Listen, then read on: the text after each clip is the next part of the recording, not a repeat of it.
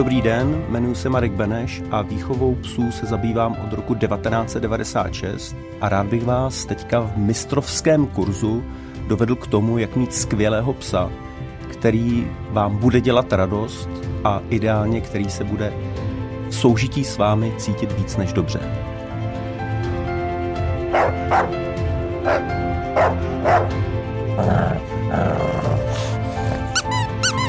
Mistrovský kurz výcviku psů s Markem Benešem.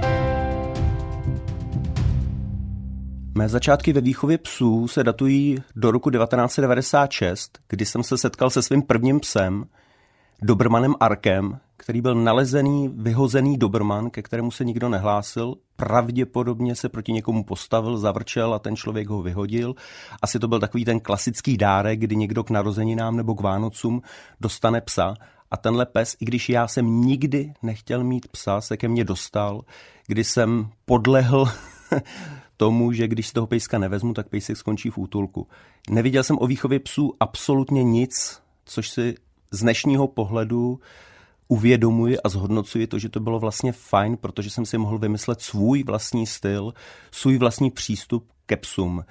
Na začátku jsem měl takovou idealistickou představu, že ten pejsek bude se mnou fungovat, aniž bych ho cokoliv učil, aniž bych ho cokoliv cvičil, ale během prvních pár týdnů jsem poznal, že to prostě s Dobrmanem není možný. A staly se i takové věci, kdy mě totálně na procházce neposlouchal, kdy se i proti mě postavil, zavrčel na mě a já jsem zjistil, že bez usměrnění a bez toho, aniž bych tomu psovi řekl srozumitelně, co se po něm chce, jaká jsou ty pravidla, že to nepůjde. Ale sám jsem nebyl schopen se to nějakým způsobem naučit, nebo toho psa to naučit, uvědomit si, co vlastně chci, tak jsem začal chodit na cvičáky, kde to pro mě bylo nesmírně užitečný, protože jsem se dozvěděl, co nechci dělat a co nefunguje.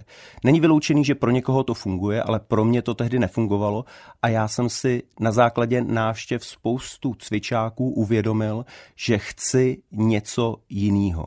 Když už jsem vzdával s jakýmkoliv cvičákem, že bych se něco mohl naučit, tak jsem šel na individuální lekci a tam se mi stala věc, že cvičitelka mi něco vysvětlovala se psem a řekla mi myšlenku, která je úplně zásadní, že jestli chci, aby se zlepšil můj vztah se psem, tak by se měl zaměřit sám na sebe, než na to, jak vycvičit nebo vychovat psa. Myslím si, že o moc víc mi toho neřekla, ale pro mě to byl impuls k tomu, že se lze na výchovu psů dívat z jiného úhlu pohledu.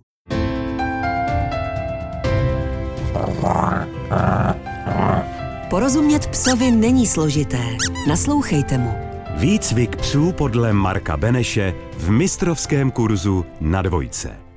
Postupně, jak tady ta myšlenka ve mně začala dozrávat a bylo to spojené i s tím, že když jsem tam u ní byl po druhý, tak ten pes, když jsme odcházeli, se nenápadně otočil a utekl za ní, protože on v tu chvíli jednoznačně poznal, že ona na to má a já na to nemám. Já jsem v sobě neměl tu uvěřitelnou energii, aby mě pes mohl přirozeně poslouchat. A tady ten pes, ten Dobrman Arko, splnil tu úlohu, že mě naučil, jak na to, aby jsme spolu mohli žít perfektní život, aby jsme si ty procházky oba dva mohli užívat. Já jsem se naučil, jak být v klidu a na základě toho klidu, který mě naučil do určitý míry ten pes, jak spolu fungovat eh, bez starostí, bez nějaký snahy velký, která většinou vede spíš k nějaký hře na něco. A já jsem vlastně upřednostnil ten život a ten pes mě to naučil, jak fungovat a jak si užívat tu radost s tím psem. Byl takový moment, který byl zásadní. Já jsem vlastně chodil s tím pejskem a 90% procházky, když už jsme trošku na sebe byli naladění, jsem ho měl na volno a jenom v krizových momentech jsem si ho vzal na vodítko. A šli kolem dva rottweileri, kteří na nás štěkali a já jsem hledal to vodítko. A to vodítko jsem u sebe neměl. Zjistil jsem, že ho nemám pověšený na krku, jak jsem ho většinou měl, nemám ho v kapse a v tu chvíli jsem musel tu situaci zvládnout. Nejradši bych se sebral a utek, nejradši bych se otočil. Já jsem se podíval na toho Dobrmana, ten byl úplně absolutně v klidu. jako by mi říkal, hele, my to zvládneme, my na to máme, jako na co si hraješ, z čeho pramení ta tvá úzkost, tak po nějakým rozvažování, který mohlo trvat, já nevím, jednu, dvě, tři sekundy, jsme prošli kolem těch štěkajících Rottweilerů absolutně v klidu, bez vodítka, bez čehokoliv. A já jsem si vlastně v tu chvíli uvědomil, že komunikace se psem a ten život se psem může fungovat na základě sebejistoty, na základě klidu, ne na základě výcviku, ne na základě snažení se, ale na základě života. Žitýho života a nějaký pohody, kterou člověk v sobě má a nebo nemá. Jelikož jsme v mistrovském kurzu výchovy psů, tak bych chtěl zdůraznit, že ve výchově psů nejde o to, toho psa něco naučit, ale jde o vztah. O vztah dvou bytostí. Je to podobný jako vztah mezi dvouma lidma, kdy se nedá přistupovat jednostranně. Jako já to vedu, já tě něco naučím a pak se budeme mít fajn. S tím psem je to podobný. Je to energie, která je mezi váma, je to klid a nebo nervozita. Pokud jdete se psem a máte dobrý pocit, tak aniž byste cokoliv toho psa předtím učili, tak jenom na základě toho vašeho dobrýho pocitu vás ten pes bude poslouchat. Pokud tam nebude ten dobrý pocit, tak můžete chodit na cvičáky, můžete chodit za kýmkoliv, kdo vám bude radit se psem. A i když to budete dělat správně, tak to nebude fungovat. Pes potřebuje někoho, kdo ví, co chce od života, obecně, kdo ví, co chce od života s tím psem a tomu psovi to prostě klidně a jednoduše naservírovat a čekat, že ten pes se tomu přizpůsobí. A jakmile tady to pes z vás vycítí, tak máte vyhráno, protože ten pes má srozumitelně řečeno, co se po něm chce a ani to nemusíte vyslovit, stačí jenom mít v sobě takový pocit, já to vedu, přidej se ke mně a budeme si užívat život. Učte se od nejlepších. Mistrovský kurz výcviku psů s Markem Benešem. Mívám psy, který mají problémy třeba s agresivitou. A většina lidí, a dokonce i většina vychovatelů psů, se snaží tomu psovi dokázat, že jsou silnější. Jako já ti přeperu a já ti ukážu, že na to mám a snaží se naučit metody, jak tomu psovi ukázat, že na to mají a že jsou silnější. Jenomže kdo je opravdu silnější, tak nepotřebuje nikomu nic dokazovat. A často ta síla, která je v nás, je v tom, že ji nemusíme ukázat na venek.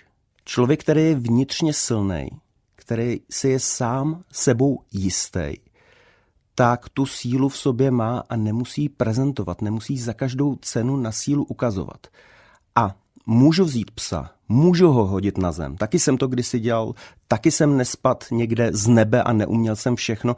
Dělal jsem tady ty věci, ale potom ten pes třeba bude respektovat mě. Kdybych já měl nějakého klienta a já jsem toho psa přepral, ukázal mu, jakou mám sílu, já tě dokážu hodit na zem, já tě tam dokážu udržet, tak riskuju to, že ten pejsek to potom zkusí na svého pánička, který tak silnej nebude, nebude vědět, jak na to. A ta síla, která skutečně funguje, je ta síla, která je ve vás a je to ta vnitřní síla, která je spojená s klidem. Takže já doporučuji lidem, aby nejdřív se soustředili sami na sebe, aby se vyklidnili sami v sobě a potom ten pes se k tomu přidá. Pak můžete používat jakýkoliv postupy a ty postupy buď budou fungovat nebo nebudou fungovat na základě toho, co vy budete cítit uvnitř sebe. To, jak vy se cítíte vevnitř, jestli jste v pohodě, jestli jste nervózní, jestli jste v klidu, anebo jestli si myslíte, že mu musíte něco dokazovat, tak na základě toho on vás buď poslouchá nebo neposlouchá. Takže není to o tom být správným kinologem. To nechte kinologům. Takže jde to toho psa něco naučit, nějak ho vycvičit, něco mu dokázat, anebo žít život. A já radím lidem, aby spíš žili ten život, bez snahy, aby se stali odborníkem, aby se stali kinologem, protože to jsou lidi, kteří tomu věnují celý život, takže ten váš život a ta vaše představa života může být daleko silnější, než se stát odborníkem, který třeba umí poradit, ale jeho psy třeba nejsou zase tak úplně perfektní. Pokud už děláte chybu, tak je dobrý se z té chyby poučit. Já často lidem říkám, že je dobrý přistupovat k výchově psů z pozice Boha, protože člověk buď se může cítit jako Bůh, anebo jako sluha. Vlastně i ten Bůh, i ten sluha se postará o toho svýho psa. Ale je dobrý, jak se cítíte, přeci jenom ta božská pozice je trošičku jiná, takže je dobrý přistupovat k tomu, jsem neomylnej, nedělám chyby. Ten pes bude úplně absolutně šťastný, že má vedle sebe někoho sebevědomího. Bude si užívat ten život. Ale potom, pokud uvidíte, že vám něco nefunguje, tak si říct, aha, tady to mi nefunguje. Proč pokračovat v něčem, co mi nefunguje? A jednoduše změním přístup. Takže změňte přístup a dál jste neomylný. Ten pes si to bude užívat, bude se radovat z toho vašeho přístupu a bude se moc odevzdat. Ten pes nebude muset řešit nějaký ptákoviny, který se dějou okolo, protože na základě toho vašeho přístupu se bude moc vyklidnit a pozná, že ať už bude jakýkoliv problém, tak ho panička nebo páníček vyřeší za něj. Doporučuji teda přistupovat ke psům z pozice neomylnosti, z pozice absolutní jistoty a z pozice totálního klidu. Český rozhlas dvojka. Mistrovský kurz. Důležitá je motivace. Mě osobně motivuje to, že vidím, jakým způsobem fungují psy s lidma. Že lidi se snaží, neustále někam docházejí, neustále se něco učej, nějaký triky s těma psama. Jak učinit psa šťastného. Docházejí na různé psí aktivity a přitom ty psy by si úplně nejvíc ze všeho užili, kdyby mohli čmuchat. Kdyby si mohli označkovat, kde co chtějí, kdyby si mohli absolutně v klidu hrát s pejskama, to je to, co oni potřebují. Oni potřebují mít dostatek možností dělat to, co psa dělá psem. A moje motivace je naučit lidi, že výchova psů neprobíhá tlakem, že výchova psů neprobíhá nějakým opakováním.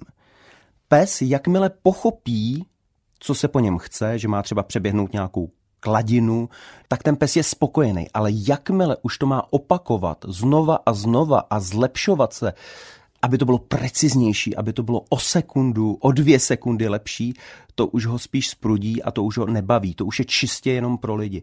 Moje motivace je naučit lidi žít život a přidat psy do toho našeho života a nechat psy žít psí život. Opravdu, když jdete na procházku s pejskem, tak mu nemusíte vymýšlet aktivity. Ten život s váma, ta procházka přírodou, úplně ten běžný život je ta nejlepší aktivita pro psy, jaká může být. To, co se učí na cvičákách, je fajn, ale je to primárně určený pro služební psy, ne pro rodinný psy. A já tady otevírám cestu pro lidi, kteří chtějí žít pohodový život s rodinným psem, ne se služebním psem. Agrese u psů je informace, ne povaha. Marek Beneš a jeho mistrovský kurz na dvojce.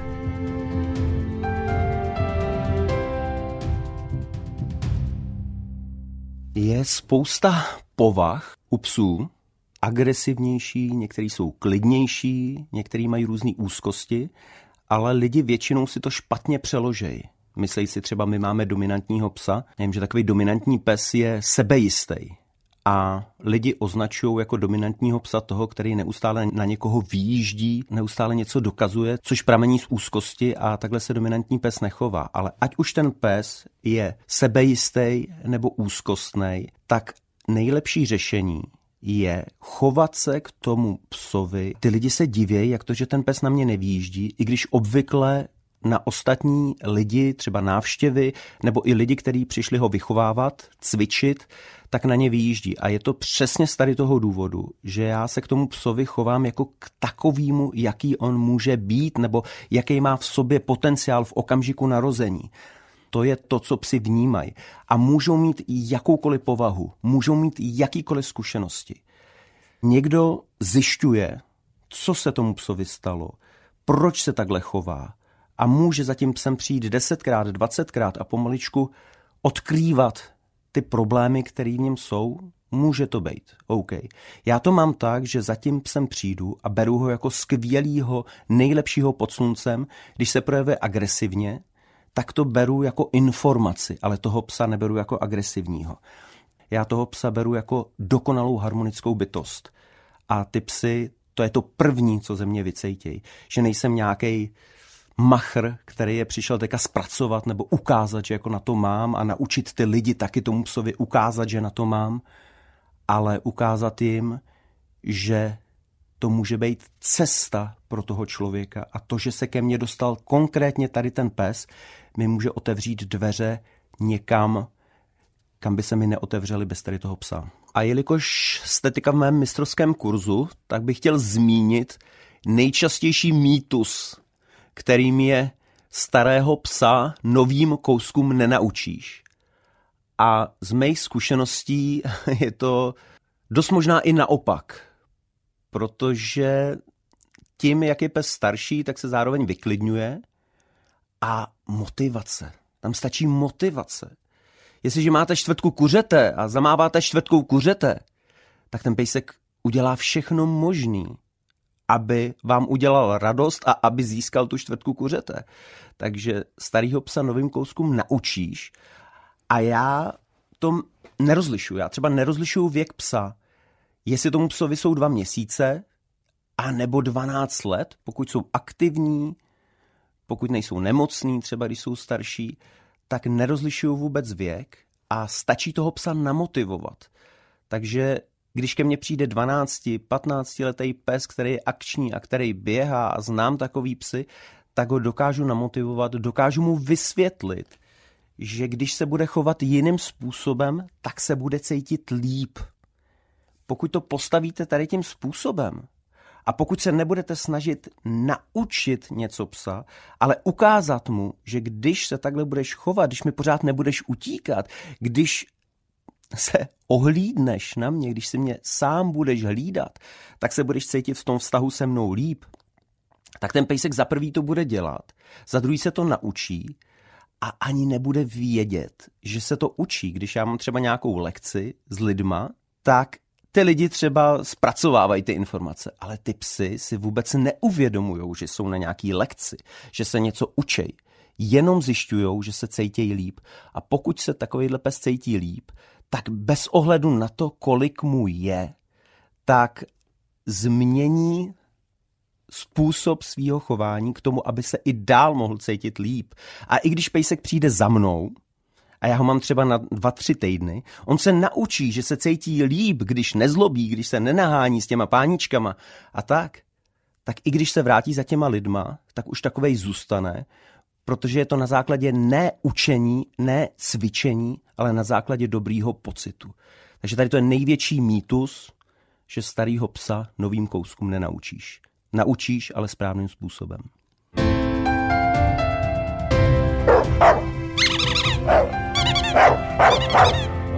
Buďte pro svého psa vším, hlavně ne sluhou.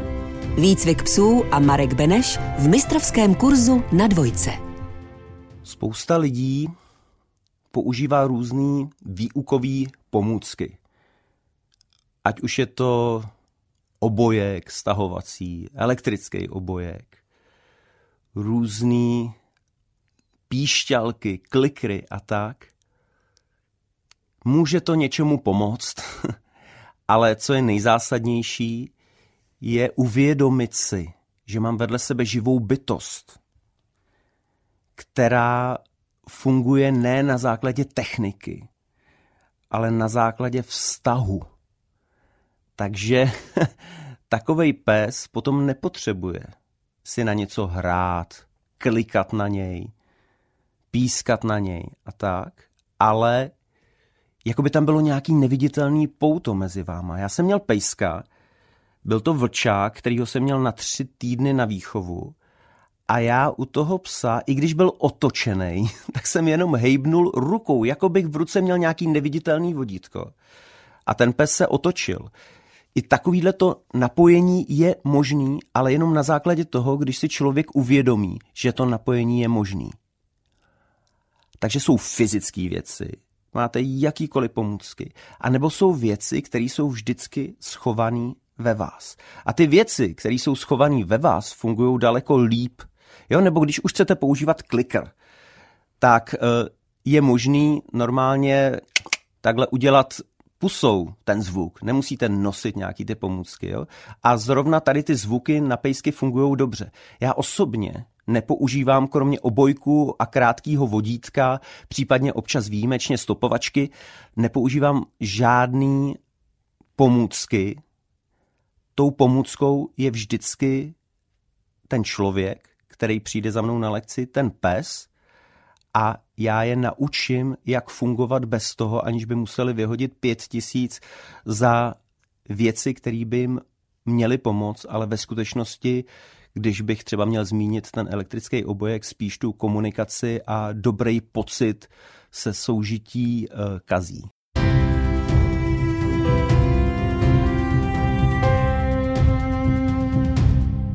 Teď bych vám ve svém mistrovském kurzu ozřejmil věc, která taky bývá předmětem mnoha sporů.